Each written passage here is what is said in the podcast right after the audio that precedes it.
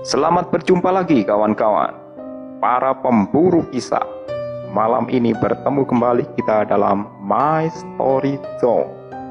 Jangan lupa siapkan headset, siapkan kopi. Tapi kalau ke belakang jangan pernah pergi sendiri. Oke, nantikan cerita kami.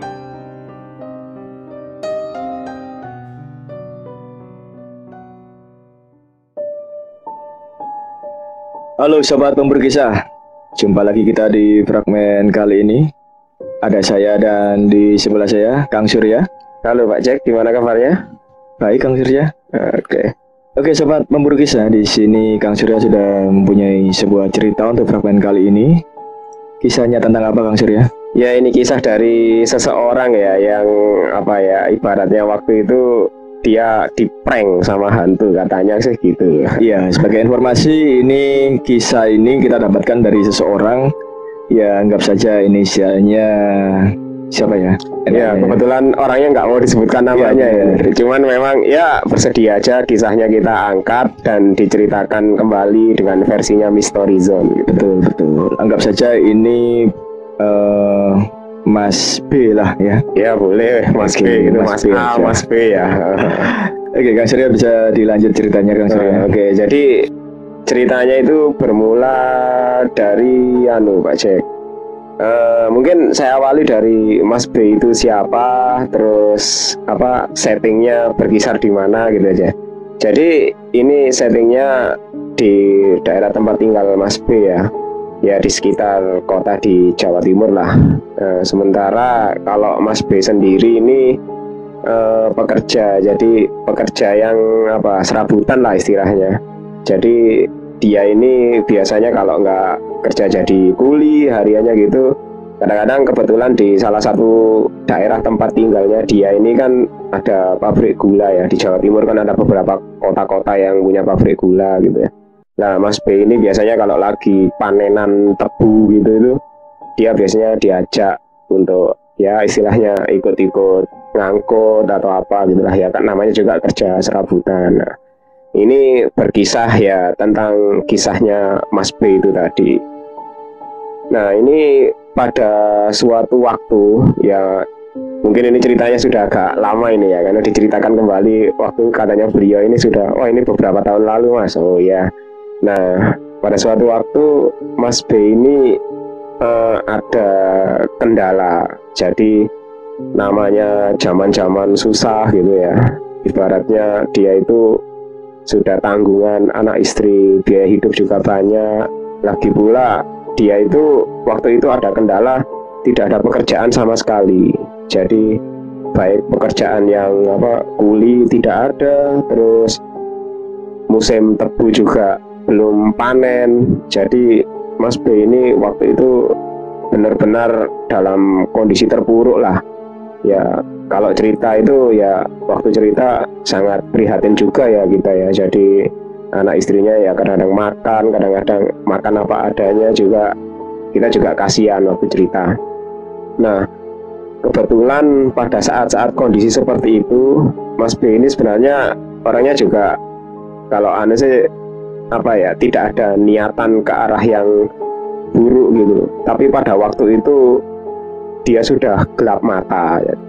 Jadi ya karena tuntutan tekanan dan kondisi ekonomi keluarganya seperti itu akhirnya dia ada niatan nekat gitu.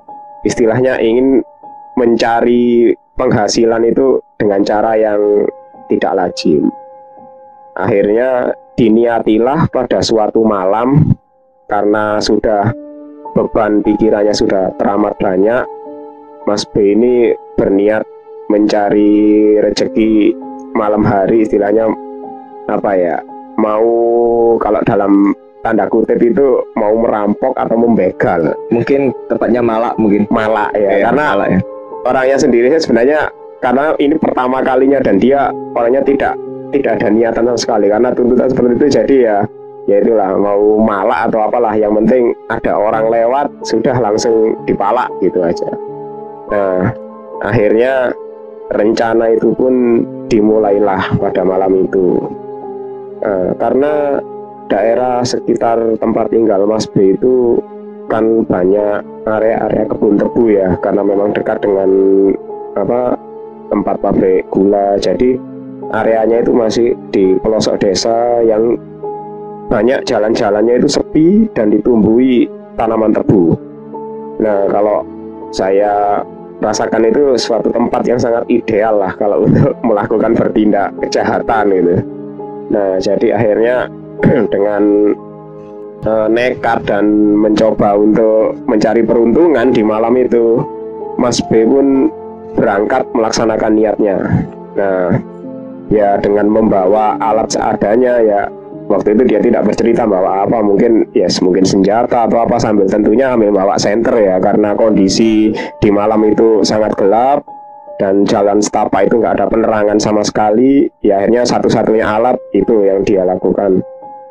Nah akhirnya dia mulai malam itu sudah nyanggong istilahnya itu menunggu mangsa di suatu tempat yang sepi jalan setapak yang sepi kiri kanan dipenuhi kebun tebu. Walaupun tempat itu sepi memang jarang ada orang yang melintas tapi selalu ada. Karena itu apa ya orang-orang tertentu melewati jalan itu. Nah akhirnya dia pun mulai menunggu mangsa di sana. Harapannya sih ada orang lewat apa pun itu yang lewat langsung sikat minta uang atau minta harta. Seadanya mengancam dan pokoknya caranya dia waktu itu sudah nekat untuk melakukan itu akhirnya dia pun mulai menunggu di sana kondisi malam itu ya memang sangat gelap gulita ya. Sebenarnya Mas B ini juga ada rasa-rasa takut atau apa gitu. Tapi ketakutan dia itu bukan bukan pada ketakutan pada hantu gitu.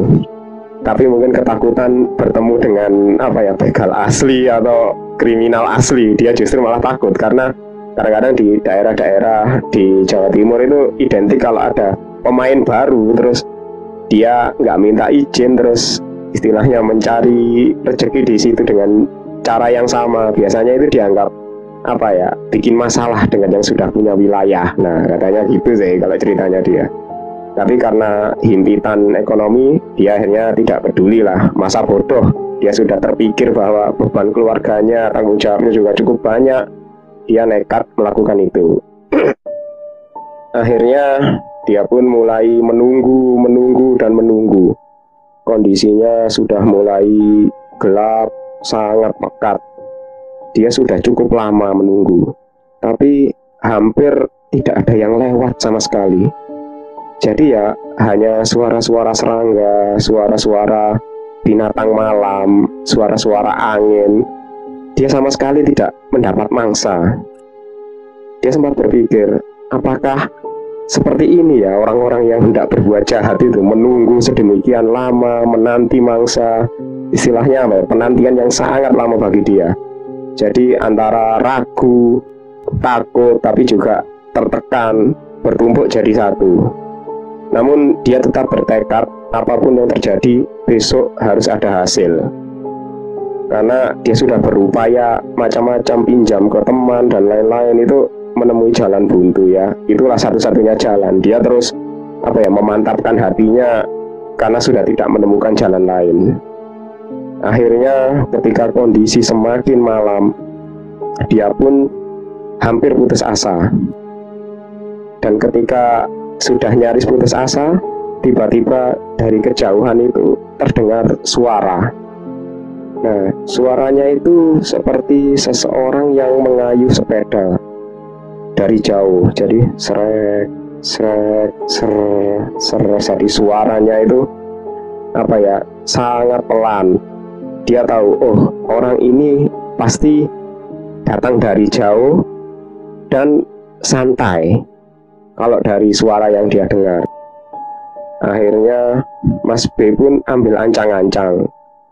Tempat tempat dia menunggu itu sebenarnya sangat strategis jadi tersembunyi di antara rumpun tanaman tebu. Terus jalan setapaknya juga kecil. Ibaratnya kalau dia mencegat mangsa itu orang mau lari balik itu kesulitan karena jalan setapaknya sangat kecil ya. Akhirnya dia terus menunggu menunggu menunggu. Akhirnya terlihat dari kejauhan kerlap kerlip lampu gitu. Biasanya kalau dulu kan orang tidak apa ya orang perjalanan malam hari kan membawa apa ya kalau tidak membawa lampu itu kadang-kadang di sepeda kayunya itu kan ada lampunya sendiri gitu. Nah yang pakai dinamo dari rodanya. Nah itu kelihatan oleh Mas B. Ketika makin dekat makin dekat Mas B melihat sosok bahwa itu hanya sebuah sepeda dan satu orang pengayuh jadi satu orang. Nah ibaratnya Mas B kalau satu lawan satu dia masih nekat lah akhirnya dia tunggu sampai orang itu demikian dekat. Nah ketika sudah mulai mendekat mulailah sosok itu terlihat jadi seorang bapak tua ya mungkin seperti kakek-kakek tua yang sudah kurus ringkih itu naik sepeda kayu. Ya sebenarnya antara tega dan tidak tega Mas B ragu. Tapi karena kembali lagi tekanan yang dia dapatkan, apa permasalahan ekonomi yang dia rasakan, Mas B tetap bodoh amat gitu. Begitu orangnya sudah mendekat, Mas B pun meloncat keluar dari rumpun tanaman tebu. Nah, orang itu memang sempat kaget melihat kehadiran Mas B. Tapi Mas B tidak peduli, dia hanya memakai sarung untuk menutup mukanya dan dengan senjata seadanya dia langsung mengancam. Nah, ternyata memang benar dugaan Mas B. Mangsanya pertama kali ini seorang kakek yang membawa sepeda kayu dan sebenarnya apa ya dari pakaiannya terlihat seperti orang biasa orang yang tidak punya apa-apa gitu tapi Mas B pun masih mencoba peruntungan ya mungkin dia memanggilnya entah Pak D atau apa gitu. Saya butuh uang. Kalau tidak ada uang ya saya butuh sepeda katanya gitu. Bapak itu cuma diam. Dia sama sekali nggak ada rasa takut atau ragu. Tapi ya terlihat bahwa wajahnya itu apa ya menyiratkan kayak kakek-kakek yang apa ya istilahnya tersenyum gitu. Akhirnya bapak tua itu turun dan dia berkata dengan suara pelan, "Saya tidak punya apa-apa. Sepeda ini harta satu-satunya. Sebaiknya kalau mau minta ya yang lain dan saya tidak bisa memberi apa-apa. Yang lain itu orang itu berkata gitu. Mas B masih tetap ragu antara dia nekat atau apa ya mengurungkan niatnya. Tapi karena ini sudah tengah malam sudah lewat, dan dia ya merasa tidak ada mangsa lagi. Dia pun mulai melihat sosok itu. Ya kembali lagi dia merasa gak tega. Orang yang tua tidak punya apa-apa pakaiannya lusuh. Sepedanya juga sepeda tua sepeda ontel yang lama. Akhirnya dia ketika melihat di belakang sepeda itu ada seperti karung. Karung itu apa ya? Ya mungkin diikat di boncengan isinya itu seperti mungkin kalau orang-orang di apa di sawah-sawah itu ya bahwa kayak semacam hasil panen lah. Bisa kalau mungkin daerah situ dulu itu terkenal dengan apa ya? E, semangka atau mungkin ya buah-buah seperti itulah mentimun atau apa gitu. Itu biasanya dimasukkan karung kemudian hasil panenan itu. Cuman ya Mas B tidak tidak berpikir macam-macam. Dia tidak peduli isinya apa.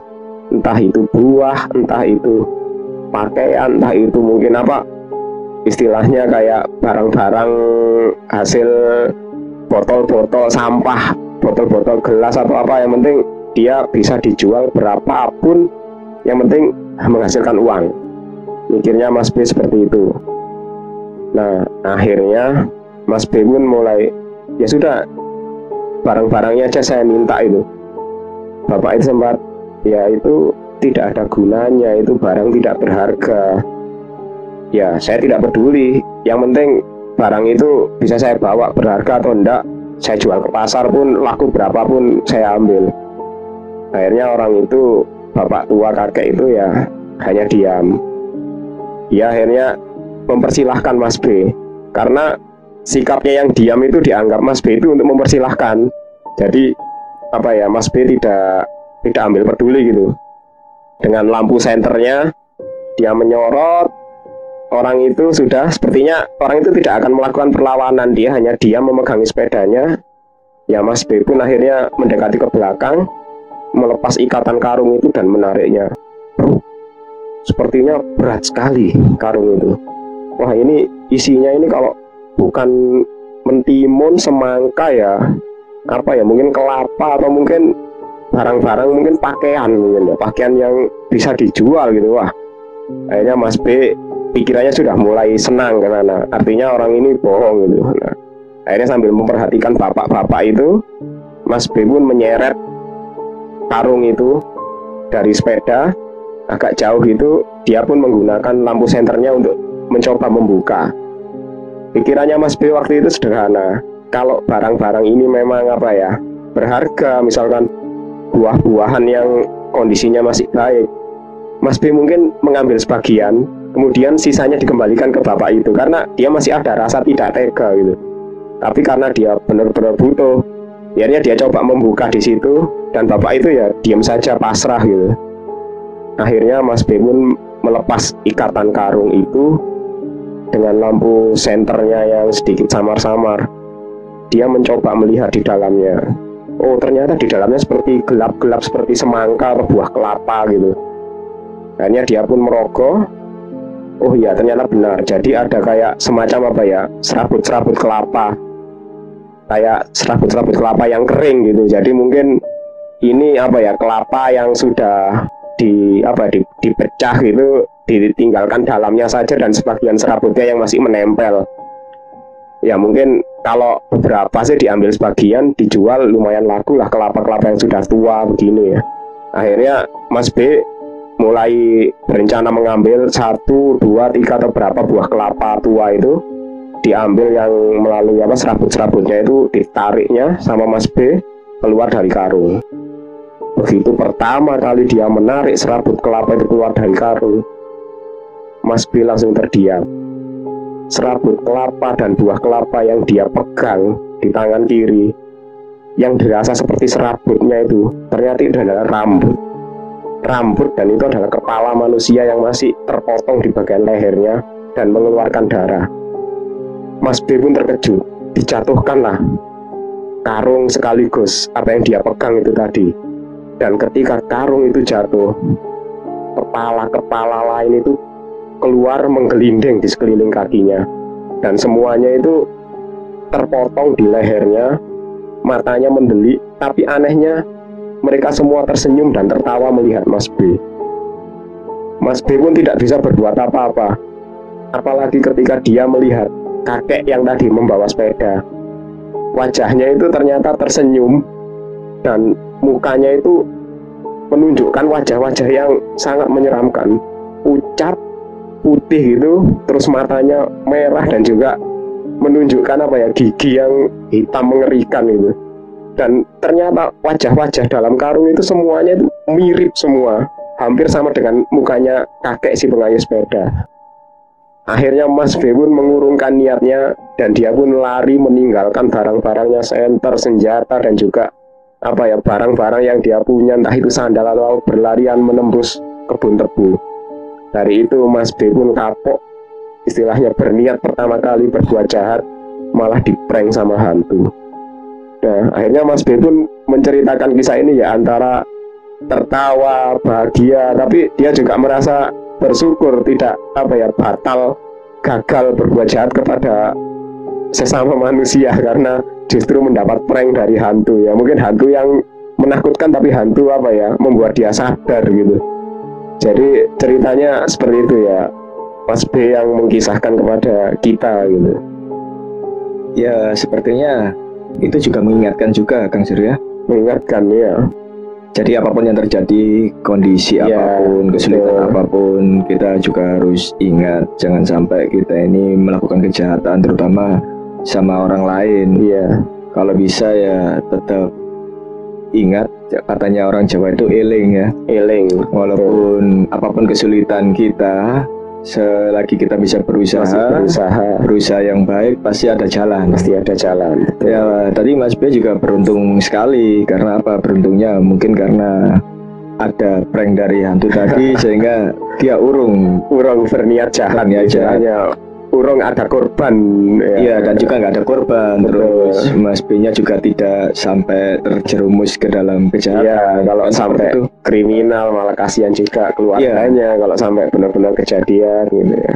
Ya mungkin juga harus berterima kasih juga sama ya, kakek tua tadi. kalau nggak ada kakek tua tadi, kalau yang datang itu orang beneran mungkin ya. lain cerita. Iya lain cerita dan mungkin Mas B malah bisa terus-terusan seperti itu ya. Iya, bisa terus seperti itu atau ya, ini, mungkin kalau terburuknya bisa mendekam di Iya, penjara atau gimana kan tambah kasihan. Iya, ya. Semoga Mas B anu ya sekarang istilahnya sukses selalu lah. Alhamdulillah mungkin Mas ya, B sekarang semoga, sudah mendapatkan jalan yang ya, lebih baik dari ya, dulu ya. Betul, betul. Ya memang setiap hidup kan pasti ada cobaannya kan. Betul, ya.